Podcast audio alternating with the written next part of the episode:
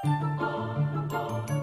navn er Ole Sigrud, og med meg i studio i dag så har jeg Jeanette Bø og Tore Haugland Hei. og Magnus Johansen. Ubrukelig. Dyrets tegn i fallen, altså. Ja. ja. og jeg er enig i at det er en veldig spennende idé. Molekyler med rare navn. Populærvitenskap i Labdidab. Du er en Uillustrert vitenskap.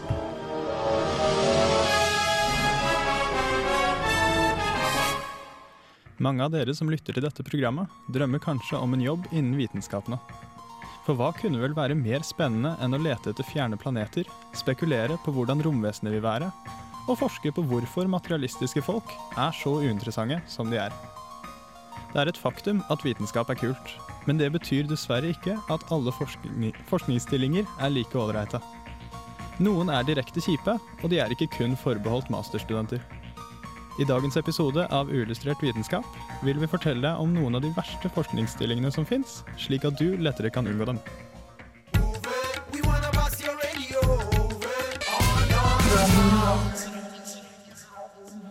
Move It av Balkan Beatbox her på Radio Revolt. Eh, Programmet er Uillustrert vitenskap. Mitt navn er Ole Eivind Sigrud. Med meg har jeg som vanlig Jeanette Bø, Hallo, hallo. Magnus Johansen Hei, hei. og Turi Haugland. Hallo. Turi Haugland er også vår tekniker i dag. Og litt forkjølet. Ja. og litt forkjølt. Yay. I dag så eh, begynner vi med litt eh, astrom astronominyheter, fordi eh, nå i Glasgow så er det The Royal Astronomical Society's National Astronomy Meeting. Oi, hvor langt. Ja, det var litt for langt. Det holder faktisk på nå, 12. til 16. april, og det har allerede vært en god del presentasjoner.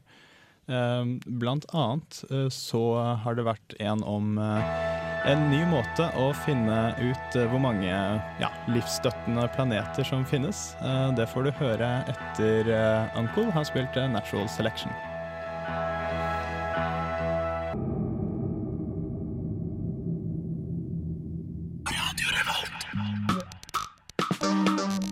This is one of the great questions. How many advanced civilizations capable, at least of radio astronomy, are there in the Milky Way galaxy? Det var dette spørsmålet Frank Drake ville finne svar på da han i 1961 kom opp med Drakes ligning. Ligningen består av en rekke faktorer vi må ha kjennskap til for å beregne hvor mange observerbare sivilisasjoner det finnes i en galakse. En av disse faktorene er antall planeter som har potensial for å støtte liv. Og når man ser etter slike planeter utenfor vårt eget solsystem, ser man først og fremst etter det vi vet kan støtte liv, nemlig terrestriske planeter altså stenplaneter. Men det er ikke bare bare å finne disse stenete verdenene. Vi har ennå ikke muligheten til å observere eksoplaneter direkte, og må klare oss med metoder som kalles wobble and blink. Wobble-metoden går ut på å observere ørsmå variasjoner i stjernenes bevegelse grunnet tyngdekraftpåvirkning fra omringende planeter. Blink-metoden, hvis mer seriøse navn er transittmetoden, utnytter det at en stjernes observerte lysstyrke avtar bitte litt når en planet krysser foran stjernen. Med hovedsakelig disse to metodene har vi funnet 452 eksoplaneter, og nye blir oppdaget stadig vekk. Men hittil har vi ennå ikke funnet noen planeter som ligner jorden. De aller fleste er gigantiske gassplaneter som Jupiter. Det nærmeste man kommer en planet som jorden, er en stenplanet med tre til fire jordmasser. Men nå har forskere funnet en ny metode de mener kan beregne terrestriske planeters utbredelse. Dette kan de gjøre ved å studere hvite dverger. En hvit dverg er en stjerne som en gang var som vår sol. Men etter å ha blitt en rød kjempe, har krympet sammen til halvparten av dens opprinnelige størrelse, omringet av en stor, men tynn atmosfære. En rød kjempe kan ha en diameter på opptil 200 ganger vår sols diameter, og vil da sluke planeter som ligger for nærme. Hva slags planeter som lå for nærme, det kan forskere finne ut av ved å studere den hvite dvergens atmosfære. Forskerne undersøkte spekteret, et slags kjemisk fingeravtrykk, av lyset fra 146 hvite dverger. Av disse hadde 109 av stjernene en atmosfære som inneholdt tyngre grunnstoff, som kalsium. Da den eneste sannsynlige kilden for slike grunnstoff i en hvit dverg er stenplaneter, tyder disse observasjonene på at slike planeter er nokså utbredt. Basert på disse funnene antar forskerne at minst 3,5% av alle stjerner av solens størrelsesorden i Melkeveien har stenplaneter. Det betyr at vår galakse kan ha opptil en milliard stenplaneter til enhver tid, hvorav en liten andel kanskje er passende for liv. Det var eh, forskning presentert eh, i Glasgow på denne astronomikonferansen. Eh, Det ser kanskje litt lysere ut for de av oss som eh, har lyst til å finne noen planeter som kanskje har liv. Eh, Og en av de, ja, Det er jo en måne da, her i solsystemet, Titan, en av Saturns måner, som det er mye snakk om kanskje, kanskje kan ha litt liv. Og det ble også presentert noen spekulasjoner om hvordan det livet kunne være ved den konferansen. Og det har du sett nærmere på, Jeanette? ikke sant? Ja, det var en astrobiolog som vi lenge trodde het eh, William Brains. Uh, han gjorde ikke det, han het Baines. Det var litt kjedelig. Uh, men han fant ut at det eventuelle livet som skulle vært på Titan, hadde vært skikkelig rart, stinkende og eksplosivt. Jøss.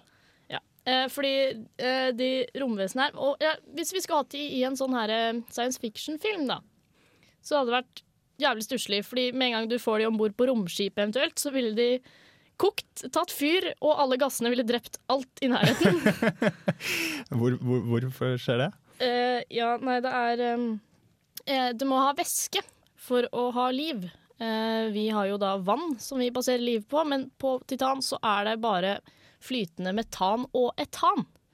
Ja. Så blodet til de her romvesenene måtte ha vært basert på metan. Og Det er vel ganske lavt kokepunkt, har det ikke det? Jo, 100, min- minus 180 grader, tror jeg. Ja, det er såpass, ja. Ja, det, det var dritt. Så, men, men hvis vi da hadde putta dem i små metanbeholdere før vi tok dem inn på romskipet, kunne de overlevd da? Ja, det kunne kanskje det. Jeg vet ikke. Men, Ja, eh, eh, men de, hadde ikke vært, de hadde ikke vært så veldig stilige, da. Man håper jo på noen litt monstre eller Ja, det er sant. blå personer med, med lang hestehale og sånn, sånn dritt. Eh, men eh, siden det er så lite sollys på Titan, det er bare noen tiendels prosent av det vi har her, så vil det være skikkelig stor mangel på energi. Så du må ha sånne vesener som vokser skikkelig treigt og er små. Eh, Så romvesenet på Titan ville om mulig sett ut som lav. Altså det reinsdyret spiser. Så, så bortsett fra at de er eksplosive, så hadde de ikke vært noen trussel til menneskeheten. Nei, de hadde vært ganske ufarlige. De hadde ikke kommet hit og sprengt seg på oss. Nei. Yes. Nei, det var, var jo litt skuffende. Men, eh, men morsomt med eksploderende aliens, da. Eh, Det ble jo presentert eh, noen andre funn der. Blant annet så har de funnet ni nye, ni nye planeter. eh, Som da er såkalte hot Jupiters, altså Jupiter-aktige planeter, men som befinner seg enda nærmere solen enn det Merkur gjør i vårt solsystem.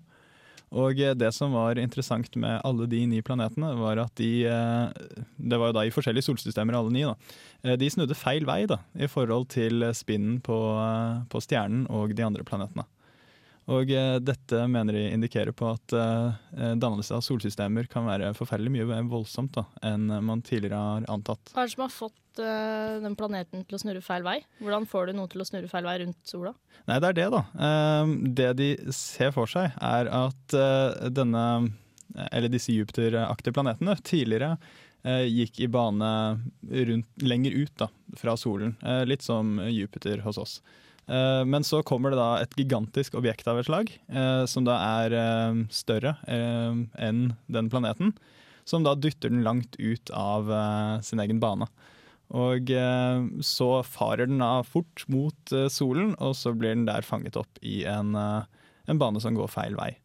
Men denne hendelsen her ville da gå over sånn en million år før den ville bli stabil. Så alle de planetene da som befant seg mellom den opprinnelige plasseringen på planeten og, eh, og den endelige plasseringen, de ville jo bli knust. Eh, Så hvis det hadde skjedd hos oss, så går det kanskje litt dårlig. Ligge tynt an. Men uh, nå tenker jeg vi skal høre litt uh, deilig norsk jazz. Elephant Nine med John Tinnick.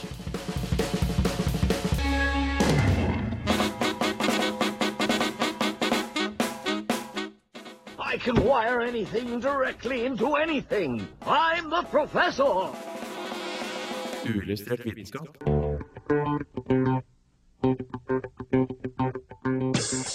Endelig har våren kommet til Trøndelag. Og et av de sikreste vårtegnene er når menn midt i 40-årskrisa endelig tar fram kabrioletene sine. Biler de har betalt avsindige mengder penger for, men som fremdeles bare kan brukes i en kort periode om sommeren så lenge man bor i Norge. Samme hvor hardt jeg prøver, så sliter jeg med å klare å omtale disse menneskene i positive ordlag. Men hvorfor er det slik? En studie foretatt ved University of Colorado viser at personer som søker glede gjennom materialisme, blir mindre likt av andre mennesker enn personer som søker glede gjennom opplevelser. Så hvis du er den typen som sier nei til å dra på Roskildefestivalen i sommer, fordi du heller vil bruke pengene på ny mobil, så er det stor sannsynlighet for at du ikke er den best likte i vennegjengen. Mange går i den fella og tenker at det å ha den kuleste bilen eller den største TV-en vil gi deg status blant andre folk og forbedre dine sosiale relasjoner. Men ofte har dette den stikk motsatte effekten. Dette skyldes at mange har veldig negative stereotypiske oppfatninger av folk som søker status gjennom materialistiske gjenstander. Og slike personer blir ofte ansett som selvsentrerte og egoistiske. Dette fører til at materialistiske personer har en tendens til å ha færre venner. I tillegg til at de vennskapene de har, har en tendens til å være mindre tilfredsstillende. Som følge av deres dårlige sosiale relasjoner har materialistiske personer også en tendens til å være mindre lykkelige enn personer som søker lykke gjennom opplevelser. Derfor konkluderer studien, ikke overraskende, at man heller ikke blir lykkeligere av å tilegne seg materielle gjenstander. Så hvis du er en materialistisk person som bruker pengene dine på unødvendige dingser og dyre biler, vil du ikke bare bli mindre lykkelig av det, dine omgivelser vil også mislike deg for det. Til slutt gir vel denne studien også en forklaring på hvorfor det ikke er mulig å like Madonna.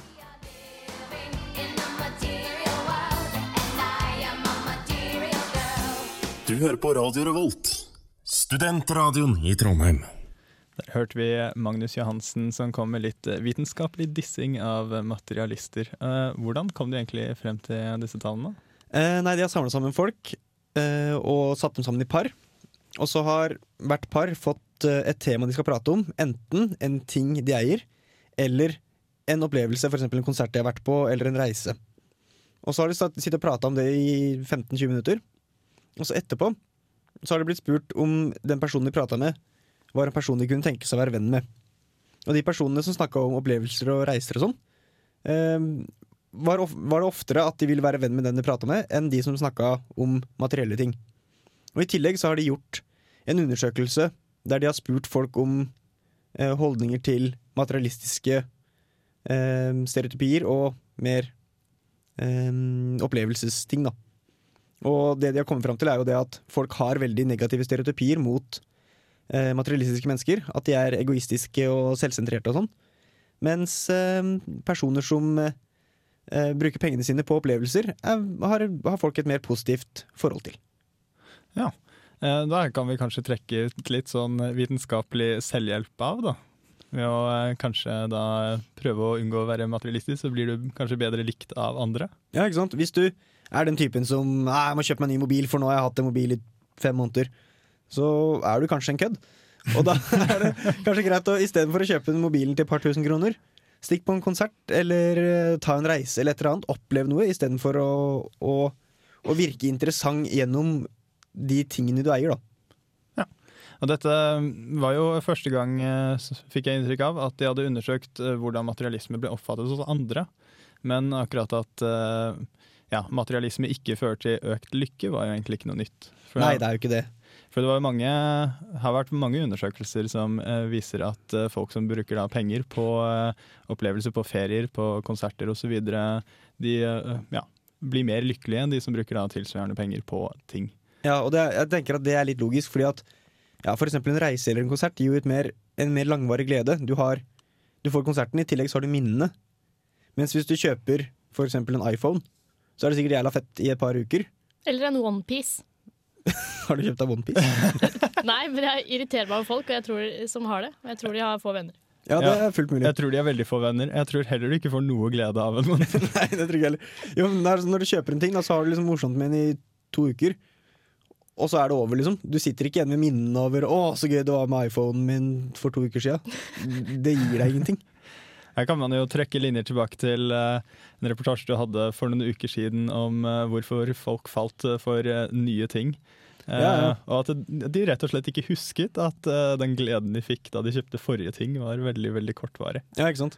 Så har vi også tidligere snakket om ja, vitenskapen bak speeddating og sjekking og sånn. Og der eh, så man jo også at de som da snakket om ferier de hadde vært på, eh, de eh, gjorde det generelt veldig mye bedre enn de som eh, snakket om en film de likte, f.eks. Ja, ikke sant? Fordi at eh, det, er, det er holdt å si mer interessant da å høre om en ferie, tenker jeg, enn om at noen sitter og snakker om sine personlige eiendeler. Ja, Det blir jo det. Eh, nå til eh, helgen, eh, 15., eller fra i dag til og med, eh, 15. til 17. april, så er det eh, Teipfestivalen. Og eh, en av de eh, artistene du kan høre på eh, Teipfestivalen, Radio Revolts egen festival, er eh, St. Helm. Det skal vi høre litt av nå, As Low As Can Be.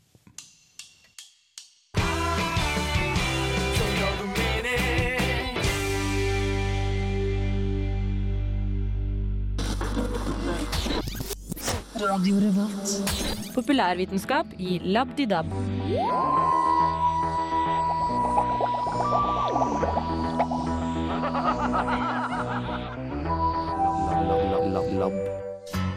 Kunne du tenkt deg en jobb innen forskning? Her er ti områder innen forskning du kanskje har lyst til å holde deg unna. Nummer ti. Observatør av dårlig dans.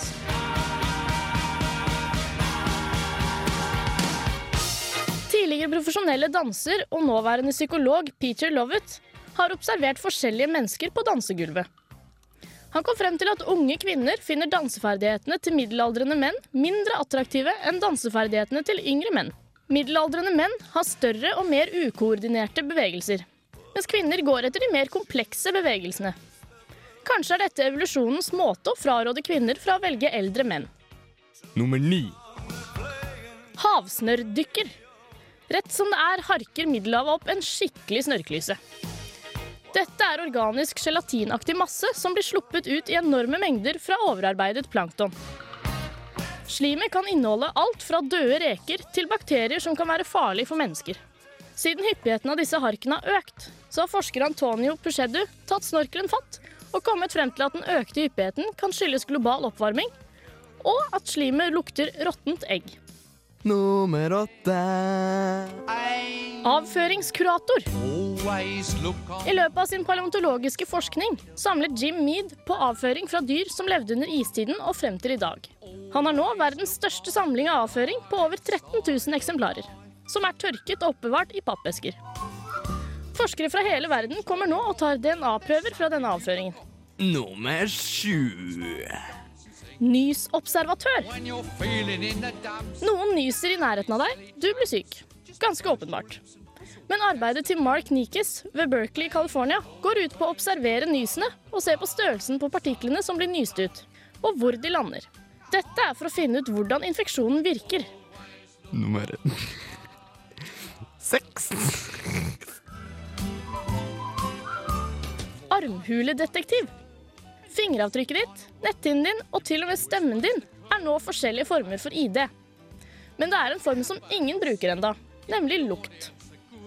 Forskere ved universitetet i Florida og ved et senter i Philadelphia forsøker nå å isolere stoffene som gir oss vår egen unike aroma.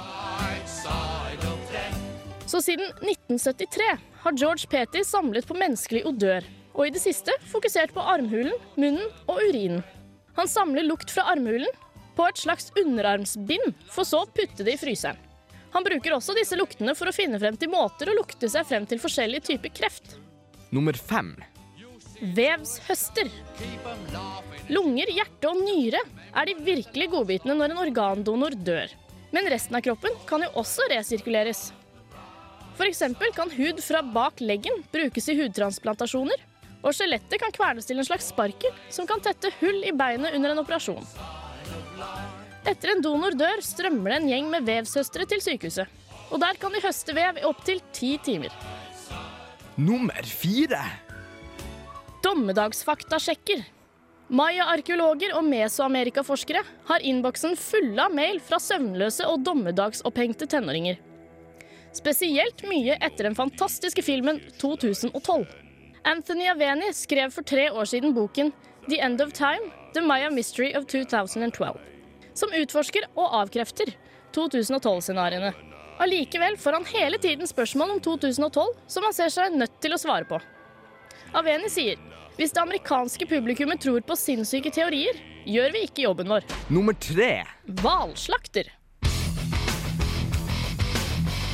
Michelle Berman er kurator ved Zoologisk museum i California. Og hun er veldig interessert i organer fra hval. Om en hval eller delfin skulle strande i nærheten, er Berman og teamet der iført gule regnklær. De skjærer av gigantiske biter av spekk før de dykker ned i kadaveret etter organer. Oljen fra hvalen klistrer seg til hud og hår, og lukten kan sitte igjen i et helt år. Gassene i en hval under forråtnelse kan få det til å sprute innvoller utover hele stranden. Heldigvis er det kun en delfin som har sprengt utover Berman. Nummer to. Bønneteller. Etter 10 000 år med landbruk har vi enda ikke forstått når det beste tidspunktet for å plante soyabønner er. Derfor har et forskerteam ved Universitetet i Indiana plantet masse soyabønner på forskjellige tider av året, for så å telle antall bønner på hver plante. Dette er såpass kjedelig at for å hindre forskerne i å slutte, får de noen ganger lov til å analysere proteiner. Nummer én. Og den verste jobben er å transplantere avføring. Etter superbakterier oppsto, har ikke antibiotika klart å gjøre jobben sin skikkelig. En potensiell løsning på dette kan være å introdusere en smittet mage med frisk bæsj for å rekolonisere mikroorganismebekjempende bakterier. Dette kalles avføringstransplantasjon og gjøres kun ved et fåtall sykehus i USA, siden den ikke har noen bevist effekt. Transplantasjonen utføres ved å føre avføringen i en slange ned til magen via nesen. Men det er jo ikke bare drittjobber i vitenskapen. Den aller beste jobben må jo da være babykiler. Aper er kilende, men betyr apelatter og menneskelatter det samme? Den engelske nevroforskeren Marina Ross så etter svaret ved å kile ape- og menneskebabyer for å sammenligne latteren deres.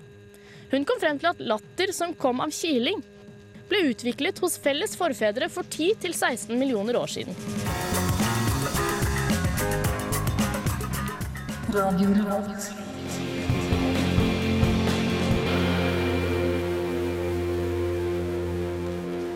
Der hørte du Our Time av eh, The Brian Jonestown Massacre. Eh, Jeg har en eh, venninne som eh, skulle til, nei, til USA eh, tidligere i dag. Og der så jeg på Facebook at hun var nå strandet på Gardermoen. Eh, hvorfor det, Magnus? Det skyldes et, vulkan, et vulkanutbrudd på Island. Jaha. Og når, eller i asken fra vulkanutbrudd inneholder små glasspartikler og små mineralpartikler. Og de mineralene og glasspartiklene her er skadelige for flymotorer. Så hvis, du, hvis de partiklene kommer inn i flymotoren, så kan det bare kvele hele motoren fordi det smeltes. Fordi at det er såpass varmt inn i flymotoren, og så bare stopper alt opp. Det er stusslig. Men du sa det her var på Island. hvorfor hvorfor skal vi i Norge bry oss om det, egentlig?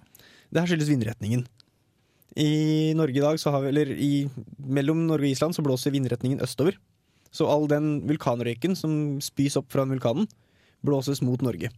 Så da får vi alle de kjipe støvpartiklene inn i atmosfæren i norsk luftrom. Noe som hindrer alle flygninger fra norske flyplasser. Ja.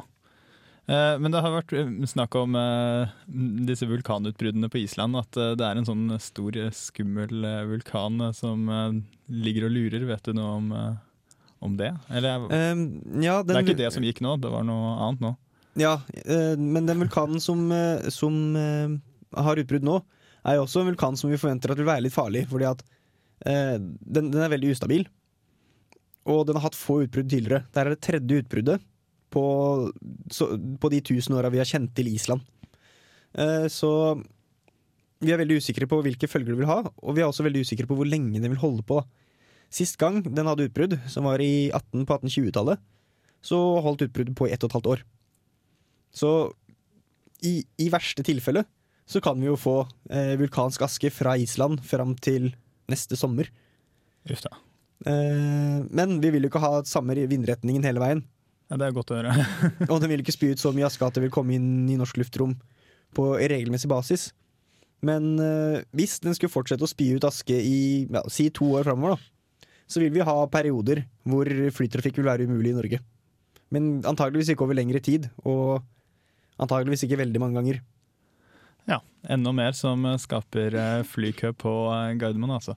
Eh, Noen som derimot har kommet seg til byen, er bergensbandet Katinka, som skal spille på Teipfestivalen på lørdag 17. Eh, Vi skal høre en låt fra dem som heter Luck.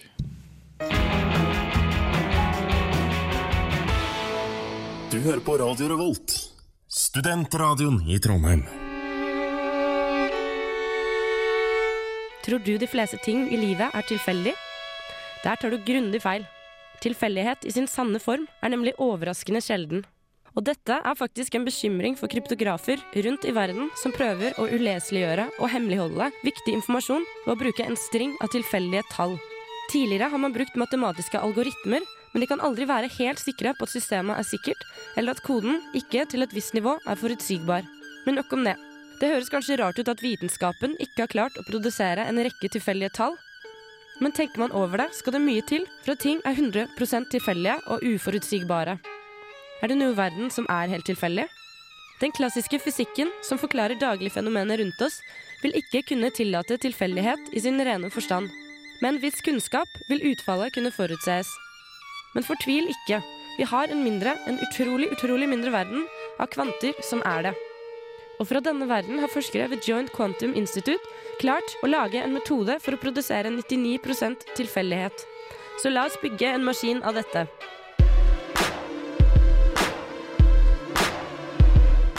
Kvantefysikk er viten om materie og energi i de minste formene vi kjenner til. De spesifikke egenskapene ved f.eks. elektroner og fotoner er usikre. Og selv om sannsynligheten for en egenskap kan beregnes, vil egenskapen ha en spesifikk verdi som må bli målt. Det vil si at vi kan få en tilfeldig tallrekke ved å utføre en serie med kvantemålinger helt uavhengig av hverandre. Og da burde vel ting være tilfeldig nok. Nei da, vi er ikke ferdig ennå. For se for deg at en slik boks blir lagd og kjøpt framfor en genuin kvantetilfeldighetgenerator. Hvordan kan man da forsikre seg om at gjenstanden produserer tall som ikke er kjent for noen andre enn seg selv? Se for deg at man kjøper en boks som har minnet fullt av tilfeldige tall fra før av. Tester man de tilfeldige tallene, vil de sikkert bestå alle slags tester om ren tilfeldighet. Men noen vil likevel ha en manuell av maskinen med kopi av alle numrene. Da står i hvert fall jeg på bunnen av flaska. Hvordan skape en maskin som gir 100% garantert tilfeldige tall, og at ingen andre har dem? Men heldigvis har tidligere fysikere også tenkt på dette. Igjen innenfor kvantefysikken.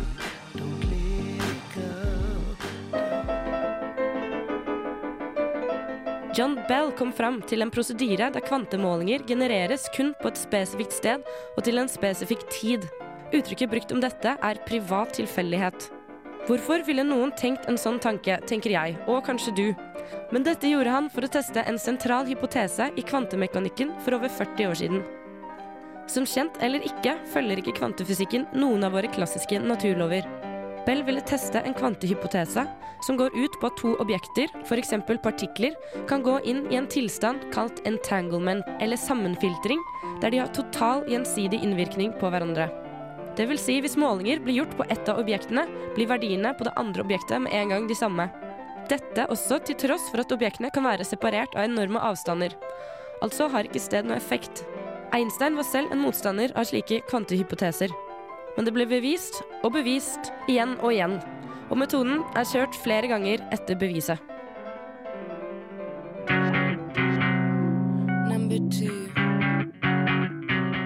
En slik maskin er nå bygget av JQI. To atomer isolert fra hverandre blir sammenfiltret ved en metode der et foton reiser mellom atomene. Hver gang sammenfiltringen, og derfor kvantemekanikken, var til stede, ble målinger av atomene gjort. Binære tall ble så generert fra målingsverdiene.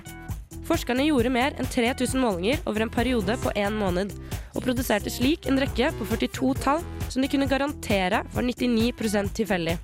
En ny prosess ga altså en ny tilfeldighet fra et eksperiment som maskiner ikke kan modulere. Altså en ren tilfeldighet. Number five. Number six. Det var vel Richard Feynman som sa hvis du tror du forstår kvantemekanikk, så forstår du ikke kvantemekanikk. Eh, Jeg merker jeg blir forferdelig eh, forvirret hver gang jeg hører om slikt, så Turi, kan du kanskje forklare litt eh, hva, hva var det de egentlig gjorde? Uh, ja, tro meg, jeg forstår ikke helt kvantemekanikken, jeg heller.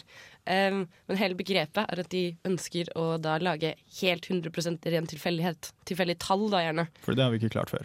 Eh, nei, eh, det har vi ikke. Og eh, for å kunne gjøre det her, da, så bruker de kvantemekanikken. Ehm, fordi der kan du eh, Altså, der er alt egentlig tilfeldig, og det er ingenting som følger noen spesifikke lover. I hvert fall ikke noen lover vi kjenner. Eh, og det de gjør da, er å sette opp eh, et eksperiment. Og så eh, kjører de da eh, to atomer hver for seg. Eh, skal se hvordan skal jeg forklare det her, da to atomer hver for seg. Ehm, så sender de et foton. Ja. Som eh, da teleporteres fra atomene til hverandre. Dette er ting som da er lov i eh, kvantemekanikken.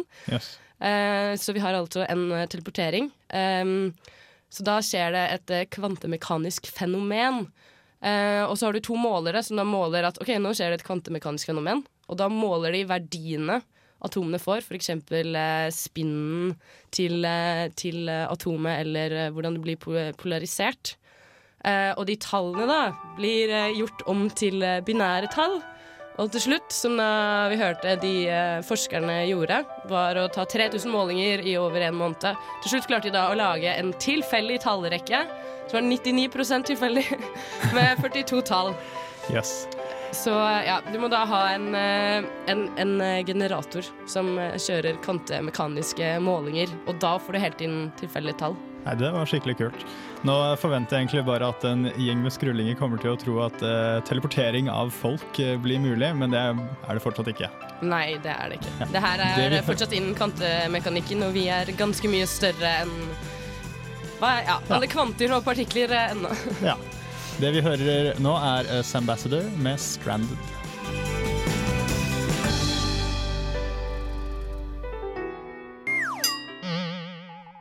Uillustrert vitenskaps fun fact-skole. Hva er midtpunktet på neste vorspiel?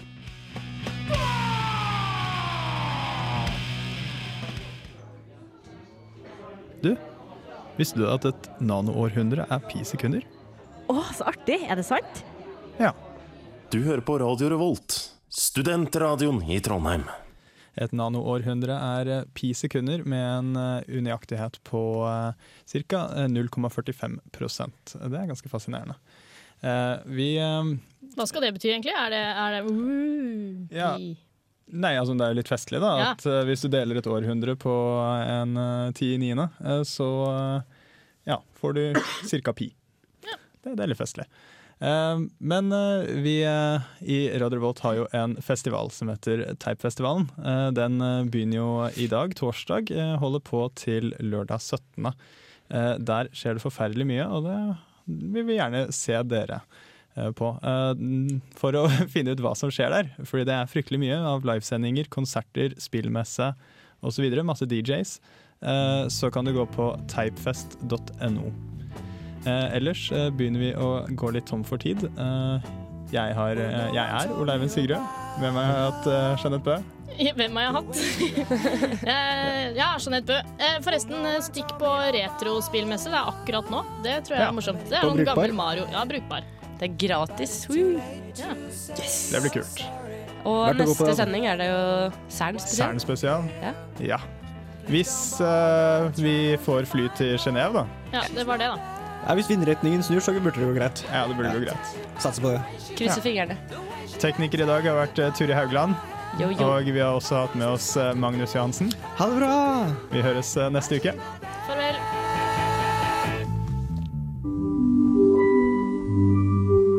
Uillustrert vitenskap er Midt-Norges eneste teknologimagasin på lokalradio. Og vi snakker om alt fra populærvitenskap til sære forskningsprosjekt ved NTNU.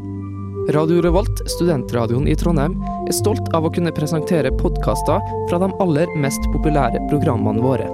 Hvis du har lyst til å høre mer fra Radio Revolt, hvem vi er og hva slags musikk vi spiller, så kan du høre oss på FM-båndet i Trondheimsregionen, eller streame sendingene våre live på radiorevolt.no.